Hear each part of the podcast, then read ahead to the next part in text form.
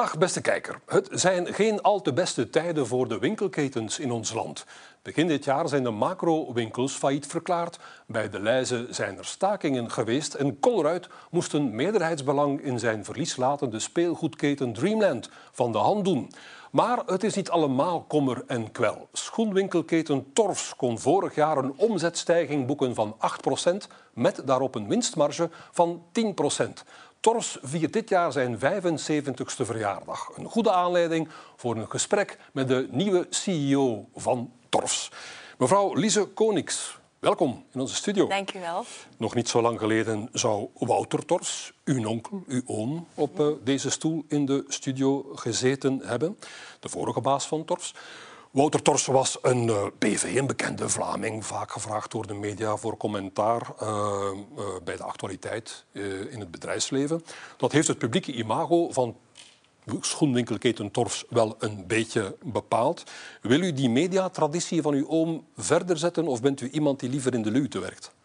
Anders zou ik hier niet zitten, Jozef, denk Ah, ik. ja, ja. Nee, maar ik denk, Wouter heeft een ongelooflijke verdienste. Hij heeft echt Torfs als Belgisch lokaal bedrijf op de, op de kaart gezet. En hij Ja. heeft vooral aangetoond dat het uitbouwen van een rendabel bedrijf hand in hand kan gaan met het uitbouwen van een duurzaam bedrijf. Mhm. En dat is ook iets waar dat wij met Torfs de komende jaren op willen blijven inzetten. Dus dat is ook wel een boodschap die dat ik zelf wil blijven verder uitdragen. Dat gaat u doen. Torfs is een 100% familiebedrijf. In nogal wat familiebedrijven is de opvolging van de familiale baas een heikele kwestie. Nemen we iemand van binnen de familie? Uh, is die dan capabel genoeg? Nemen we een externe kracht? Hoe is dat bij jullie gegaan?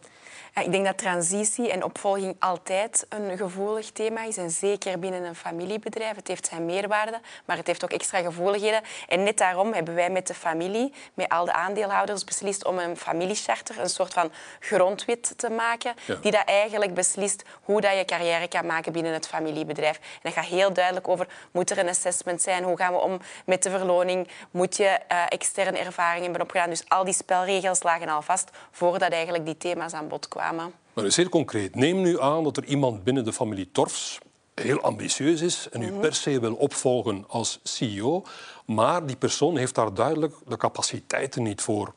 Wat, wat gebeurt er dan volgens de regels van het charter? Dan vallen wij terug op ons charter. En dat betekent dat er een extern assessment moet gedaan worden. En dat externe assessment dat gaat buiten Torfs om. Die zullen dan bepalen of die persoon de juiste kwalite- kwaliteiten heeft om voor Torfs te gaan werken. En wat dat ook extra belangrijk is, we hebben in ons charter ook bepaald dat er niet aan jobcreatie mag gedaan worden. Dus dat betekent dat er geen nieuwe functies mogen gemaakt worden voor de familie. Ja, geen postjes creëren postjes voor creëren. Nee, inderdaad. familieleden. Goed. Nog dit, voor we overgaan naar Torf zelf, eh, mevrouw Konings. U bent CEO van een bekend bedrijf en u bent ook een vrouw. Voelt u zich als vrouw nog altijd zo'n beetje de uitzondering in laten we maar zeggen, mannelijke wereld van de CEO's? Of zegt u, genderevenwicht aan de bedrijfstop, dat is, dat is, dat is geen issue meer? Ja, ik werk sowieso zelf in een heel atypische context. Ik werk in een bedrijf met 95% prachtvrouwen. En dat vertaalt zich ook in onze raad van bestuur en in onze directie. Maar ik ben me er wel heel hard van bewust dat dat niet de realiteit is in de brede maatschappij. Ja. Alleen al als je kijkt naar de Bel 20, uh, dan zijn het vooral mannen die dat er vertegenwoordigd zijn. Maar langs de andere kant ken ik ook wel echt heel veel top vrouwelijke CEO's die dat een inspiratie zijn, die dat een voorbeeld zijn en die dat vrouwen ook wel echt motiveren om die stap te durven zetten. Ja, u spreekt over de Bel 20. Ik, uh, heb daar, ik zie daar mevrouw Ilan Kadri als CEO Ja. van Solvay, maar er zouden er meer mogen zijn. Zij is de enige, denk ik. Hè? Ja. Ja, inderdaad. Over naar uw bedrijf, dat vorige maand met resultaten kwam. Calazet heeft daar een verslag over gemaakt. Laten we eens even kijken, dames en heren, naar een fragment uit dat verslag. 2,7 miljoen paar schoenen verkocht Torfs vorig jaar. Samen met de verkoop van kleding en accessoires leverde dat een recordomzet op van ruim 190 miljoen. 8% meer dan in 2021. Groei die na corona uitsluitend van de fysieke winkels kwam. De online verkoop bleef met een lichte krimp van 1% quasi stabiel. De groei komt niet van de webshop, maar we zijn wel heel fier dat een omzet in onze webshop stabiel is gebleven. Zeker als we kijken breder in de markt, zien we dat de markt zowel op gebied van omzet als op vlak van rentabiliteit het heel erg moeilijk blijft hebben. En bij Turfs hebben we zowel een stabiele omzet als een heel rendabele webshop. Dus de klant kan bij Turfs echt kiezen voor de winkels, voor de webshop. De beide zijn even rendabel. Over het algemeen hield de rentabiliteit van Torfs met een marge van 10,2% behoorlijk stand.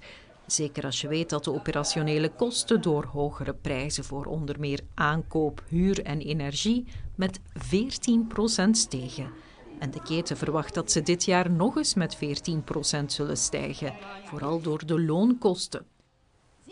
Om uh, in te pikken op dat laatste, mevrouw Konings. De kosten zullen dit jaar opnieuw met 14 mhm. stijgen, vooral door de loonkosten, werd gezegd. Hoe zal u dat opvangen? Komen er ontslagen bij uh, Torfs?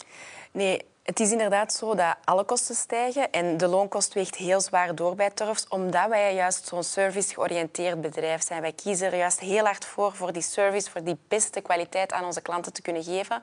Dus dat is ook absoluut iets waar wij niet op willen besparen. Ons personeel en onze medewerkers zijn onze grootste troef. Het zijn zij die juist het onderscheid maken ten opzichte van de grote concurrenten, ten opzichte van de online pure players. Dus dat is absoluut niet aan de orde om op ons personeel te gaan besparen op uw hart, er komen geen ontslagen. Nee, absoluut niet. Ja, maar uh, u hebt tijdens de persvoorstelling trouwens ook mm. gezegd gelukkige medewerkers zorgen voor gelukkige klanten.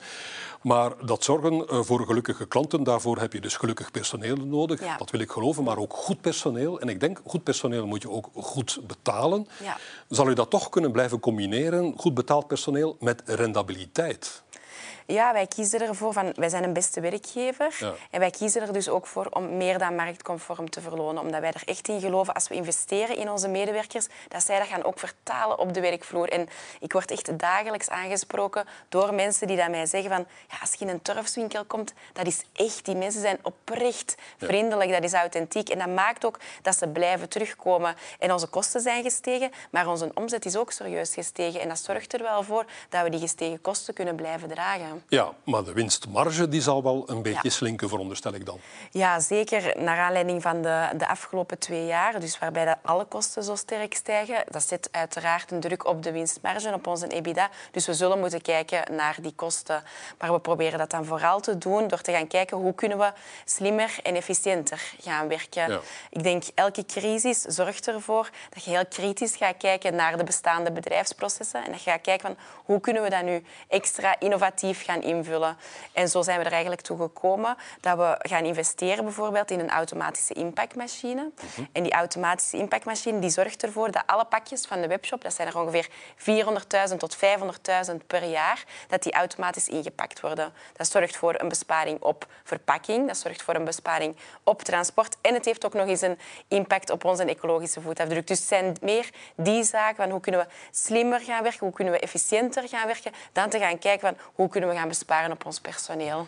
Huurprijzen, hoe zit het daarmee? Dat was ook even sprake over in het videoverslag dat we daar zagen. Kunt u daar iets van afpitsen, van die huurprijzen voor de winkelpanden? Ja, we hebben 77 winkels op commerciële toplocaties. Dus het spreekt voor zich dat die huurprijzen zwaar doorwegen, want eigenlijk zijn alle panden gehuurd bij Turfs.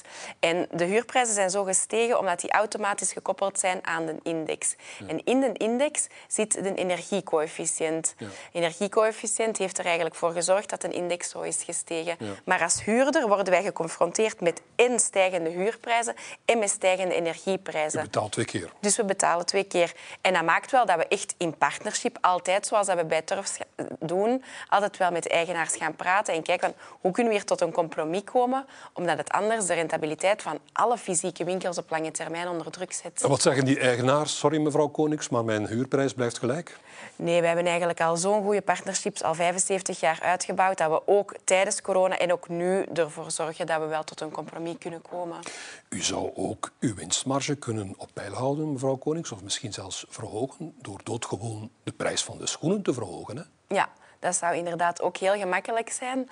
Maar ook Torfs, wij zijn een familiewinkel. Wij bieden merkschoenen aan. Wij willen echt ons op een heel breed publiek gaan mikken. Dus voor ons is het ook heel belangrijk om betaalbare schoenen te gaan aanbieden. Dus als we er nu voor kiezen om de prijzen integraal door te rekenen, dat zou onze consument op deze moment niet aanvaarden. Dus wij blijven heel hard inzetten op dat betaalbaar aanbod voor heel de familie. Met goedkopere schoenen en met duurdere schoenen. Opvallend in de reportage die we zagen was ook de groei van Tors vorig jaar kwam eigenlijk volledig van de fysieke winkels. De online verkoop is zelfs een beetje gezakt.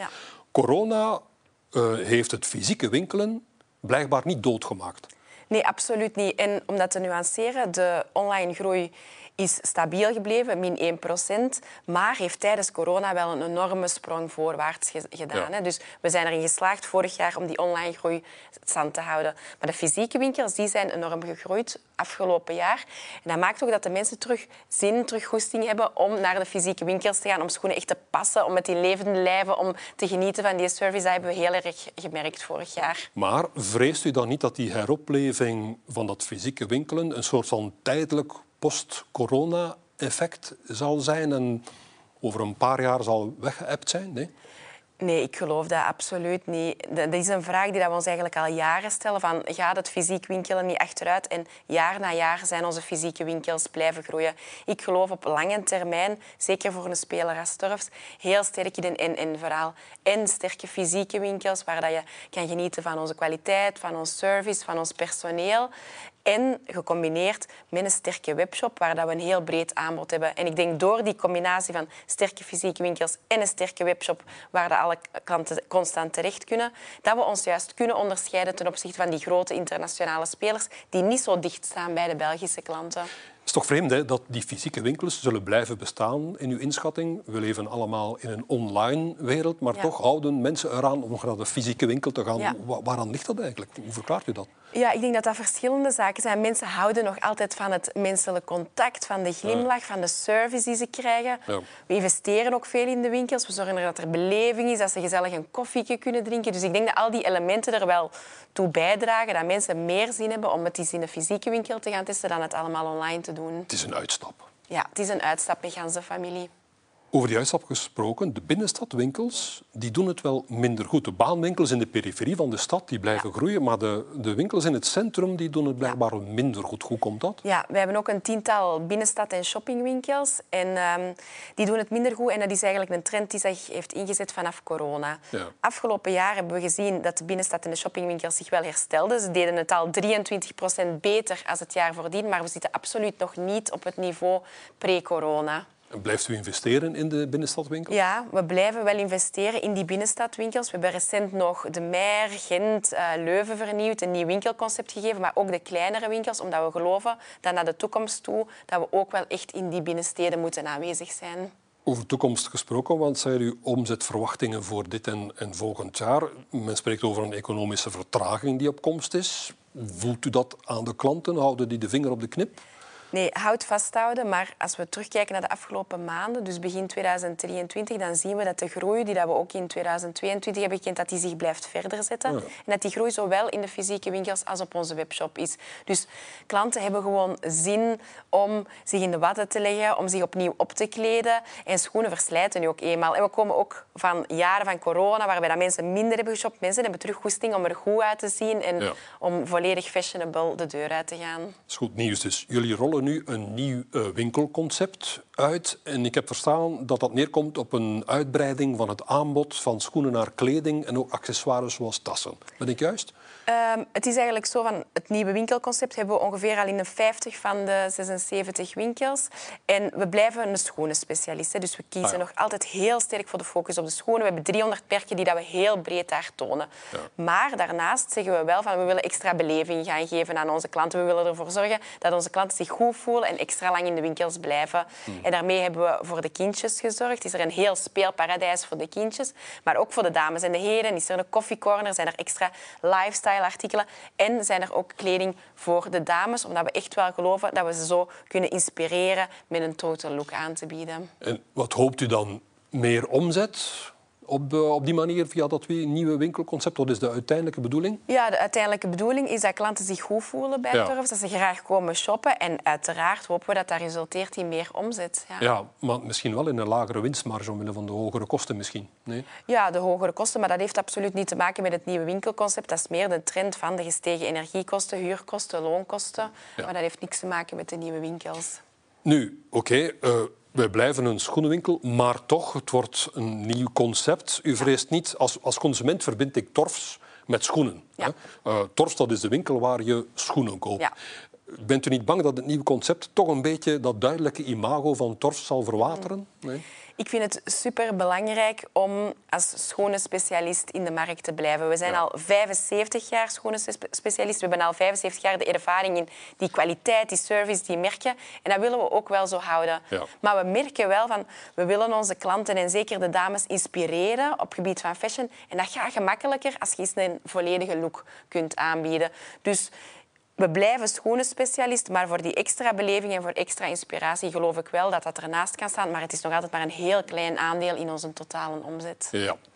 Tors heeft nu 77 winkels. U hebt het uh, zelf al even vermeld. Ja. 75 in Vlaanderen, 2 in uh, Wallonië. Tors heeft ook een webshop. Mm -hmm. uh, maar zal Tors op termijn toch niet geografisch moeten uitbreiden om ja, die groei ook op langere termijn vol te houden? Want ja, je kunt niet uh, blijven de Vlaamse markt uitmelken met hoeveel nieuwe concepten dan ook. Hè? Nee. Ik denk dat elke nieuwe generatie voor nieuwe groeiuitdagingen staat. En wat we nu op korte termijn doen, is enerzijds ons huidig winkelpark heel goed bekijken. Maar inderdaad, zoals u zegt, we zijn in Vlaanderen heel ruim vertegenwoordigd. Al geloof ik wel heel sterk dat er nog groei mogelijk is in Vlaanderen. Ah, Vlaanderen zit nog niet vol met torfswinkels. Wel met torfswinkels, dat geloof ik wel. We hebben 77 winkels, dus op 10 kilometer van Iedereen nu wel een turfswinkel vinden, maar nog niet iedereen, nog niet elke Vlaming komt bij turfs kopen en nog niet elke familie komt bij turfs kopen. Dus zowel voor ons online, daar hebben we een marktaandeel van 10%, geloof ik dat er nog groei mogelijk is, als bij onze fysieke winkels. En we zien dat ook, want als we nu met een nieuw winkelconcept komen, dan zien we dat die winkel met 10 tot 15% groeit en oh ook met nieuwe klanten. Dus ik geloof zeker niet dat het eindig is. En daarnaast hebben we het verhaal van Wallonië. En het verhaal van Wallonië, we hebben daar twee winkels. In Dinant en Marchand Ja, Dinant en Marchand Famine. We hebben er ook een webshop. En die zijn alle twee mooi gegroeid. Die zijn ook rendabel. Maar tegelijkertijd voelen we dat we daar nog niet de succesformule hebben gevonden. Uh, dat de markt in Wallonië dat die toch nog anders is dan de Vlaamse markt. En wat is dat concreet dan? Ja, we weten het niet goed. Ik denk vooral dat, uh, dat we veel minder bekend zijn in Wallonië dan in Vlaanderen. Torfs is nog altijd echt, wordt echt gepercipieerd als een Vlaams familiebedrijf. Dus we moeten heel sterk werken aan die naamsbekendheid in Wallonië. Want dat er daar plaats is voor een schoenenwinkel die dat merkschoenen aan een betaalbaar aanbod, daar ben ik wel van overtuigd. Maar dus zolang dat we die succesformule nog niet hebben gevonden, zeggen we ook niet van daar gaan we op korte termijn heel snel gaan uitrollen. Zeker niet nu in tijden dat het toch allemaal wat spannender is. En wat met Nederland bijvoorbeeld? Ja, Nederland is ook op deze moment zeker niet aan de orde. Daar hebben we in het verleden al in geïnvesteerd, voornamelijk online. En dat is niet gelukt of zo? Daar zagen we vooral dat het heel moeilijk was om dat rendabel te krijgen, omdat de retourkosten daar een stuk hoger lagen, de leverkosten daar een stuk hoger. Dus we willen ook met Torfs, we willen niet alleen groeien, maar we willen dat ook op een rendabele manier doen. Ja. U kent het slagzinnetje uit het reclamespotje van de ja. Dovi Keukens. Wij maken uw keuken mhm. in België. Dovi Keukens gaat er blijkbaar vanuit dat mensen liever kopen uh, bij, bedrijven, bij bedrijven uit eigen land. U hebt het al even, even allusie op gemaakt. Dus voelt Torfs dat ook zo aan bij zijn klanten? Torfs is Vlaams en dus gaan wij daar bij een Vlaams bedrijf onze schoenen komen, kopen. Speelt dat? Ik geloof wel dat dat speelt. Ik geloof dat dat enerzijds speelt dat we een Belgisch bedrijf zijn en dat we daarmee ook dicht bij de Belgische klant zitten. We kennen ze goed, we weten welk aanbod dat we moeten brengen, we weten welke trends we moeten op inspelen. Maar ik geloof ook langs de andere kant dat de Belgische klanten appreciëren dat wij een bedrijf zijn dat hier zitten, dat hier voor het job zorgt, dat hier voor een logistiek centrum zorgt, dat hier investeert, belastingen betaalt en dat ook via goede doelen echt investeert in de maatschappij. Ik geloof en ik zie dat wel dat de mensen dat appreciëren. Ja. Nog dit wat Torf betreft. Jullie willen klimaatneutraal zijn tegen 2025. Hoeveel winkels zijn er nu al klimaatneutraal bij Tors? 90% van onze winkels zijn klimaatneutraal. En wat betekent dat dan precies? eh, Zonnepanelen op het dak of, of iets anders? Zonnepanelen niet, omdat we altijd huurders zijn. Soms Ah, ja. is dat in samenspraak met de eigenaar inderdaad, dat we meer en meer investeren in zonnepanelen. Maar concreet betekent dat voor ons dat we afstappen van de gas. Dus dat we overal warmtepompen in- investeren, dat we eh, investeren in sterke isolatie. En dat is niet iets dat we nu het afgelopen jaar hebben gedaan. Dat is iets dat we al de afgelopen tien jaar zijn aan het doen. En ik ben heel gelukkig dat we dat hebben gedaan, want dat maakt dat nu die gestegen energieprijzen, dat die voor turfs al bij al nog meevallen. Net omdat we al zo sterk hadden geïnvesteerd in duurzaamheid in onze winkels en in ons distributiecentrum. Dus dat is ook wel weer goed voor de winstmarge, Ja. want de energiekosten waren gestegen. hè? Die waren sterk gestegen. Dat is dan goed voor uw winstmarge. Mhm. Laten we nog eens naar eh, de distributiesector in zijn algemeenheid eh, eh, kijken, mevrouw Konings. Het debat draait nu rond die verzelfstandiging Ja. van de, de lijzenwinkels, waar dus de werknemers op de loonlijst zouden komen van Mhm. die zelfstandige winkeluitbaters, met ja, minder goede arbeidsvoorwaarden tot gevolg. Nu, we moeten wel afwachten. De lijzen heeft gezegd dat die werknemers die overstappen hun arbeidsvoorwaarden zullen kunnen behouden. Maar goed, het betekent mogelijk toch een concurrentieel eh, eh, nadeel voor ketens à la Carrefour als Colruyt, die hun werknemers wel op de eigen loonlijst houden, met de bijhorende voor- arbeidsvoorwaarden. Die hele kwestie, speelt dat ook voor de non-food eh, winkelketens zoals Torfs? Ja, die hele kwestie die speelt uiteraard ook voor non-foodwinkel. Die speelt voor de hele retailsector. En het is heel moeilijk om daar uitspraak over te doen, want voeding is nog iets heel anders dan niet-voeding. Dus de rentabiliteit en de winstmarges die schelen ook heel erg. Maar ik denk dat het belangrijk is om de discussie breder te trekken. En het gaat erover van hoe kun je eerlijke concurrentie en hoe kun je gelijke spelregels voor iedereen creëren. En binnen de voeding vertaalt dat zich nu in de franchise-debat over de eerlijke arbeidsvoorwaarden. Ja. Maar als wij breder bij Turfs kijken, wij bij Turfs, wij kiezen ervoor om inderdaad te zeggen van nee, wij kiezen voor geïntegreerde winkels. Dus dat betekent van alle medewerkers op de loonlijst van Turfs, omdat wij willen gaan voor beste werkgever. Maar wij kiezen ook voor ons logistiek centrum, voor ons distributiecentrum hier in België te houden. Wij kiezen ook om te werken met een lo- logistieke speler van België. En dat zijn allemaal zaken die dan niet per se eerlijke concurrentie. Want als we ons eh, logistiek centrum naar Nederland zouden verhuizen, dan zouden dat ook goedkopere arbeidsvoorwaarden zijn. Maar wij kiezen er heel bewust voor. Ja, die keuze wil u dus behouden. Er is Mhm. dus sprake om dus die werknemers van de distributiesector in eenzelfde paritair comité. Ja. Maar u zegt nee, ik wil niet dat die arbeidsvoorwaarden gelijk getrokken worden voor de distributie. Eh,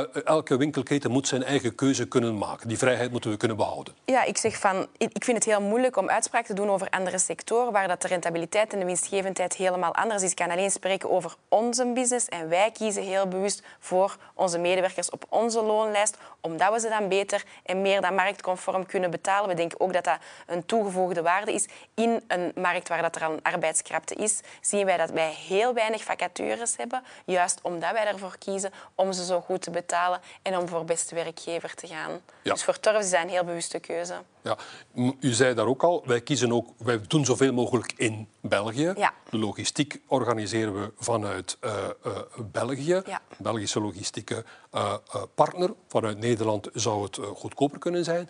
U kiest echter voor België omdat dat beter staat voor de klanten of, of een betere service oplevert, oplevert. Waarom doet u dat precies? Ja, wij kiezen voor België omdat wij een Belgisch familiebedrijf zijn en omdat wij het Ja. heel belangrijk vinden om terug te geven hier aan de Belgische maatschappij. En om te zeggen van wij willen hier jobs creëren, wij willen hier belastingen gaan betalen. Dat is voor ons uiterst belangrijk, omdat we ook denken dat de klanten dat appreciëren. Ja, maar het is dezelfde vraag als daar pas. Alles hier organiseren zal ook duurder zijn en zal Ja. Torfstad kunnen blijven volhouden, jaar Ja. na jaar na jaar, ook bij stijgende energieprijzen en wat dan ook.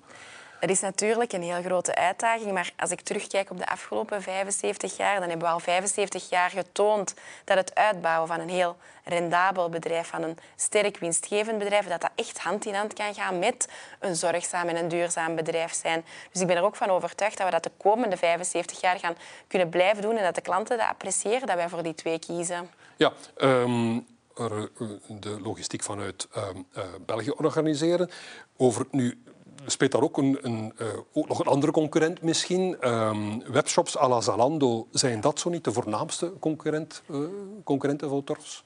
Webshops zoals Zalando zijn grote internationale concurrenten. En die werken misschien veel goedkoper. En die kunnen zeker veel goedkoper werken. Is dat geen bedreiging dan voor u? Het is geen, uiteraard is het een bedreiging. Elke nieuwe concurrent is een bedreiging. Maar ik denk toch dat wij ons kunnen onderscheiden doordat wij ook onze fysieke winkels hebben. Ja. Doordat wij zo alomvertegenwoordigd zijn, omdat de klanten ons ook echt kennen. Omdat ze de service van ons gewoon zijn. En ik denk ook juist dat wij op die punten dan moeten inzetten om ons juist te onderscheiden ten opzichte van die grote concurrenten. Over dat Belgische gesproken, waar is uw logistiek centrum precies en wie doet dan die distributie? In Temse. Ah. Het logistiek centrum is in Temse. En voor de last mile delivery werken wij met Bipost samen. Samen. Ja, over Bipost gesproken, uh, mevrouw Konings, hebt u al gecheckt of uh, Bipost u niet te veel heeft aangerekend? Wij zijn momenteel met de onderhandelingen over ons nieuw contract bezig, dus we gaan daar heel goed op checken. Ja, ik zou goed bij de pinken blijven als ik u was, mevrouw Konings. Bedankt voor uw komst naar de studio. Ik wens u nog veel succes in de volgende 75 Dank jaar. U wel. Dank u wel. Zo, deze aflevering van Trendstalk hebt u gehad. Volgend weekend is collega Francesca van Tielen aan de beurt. Haar studiogast is François van Hooydonk, CEO van de plantagegroep CIPEF. Ik wens u nog een prettig weekend.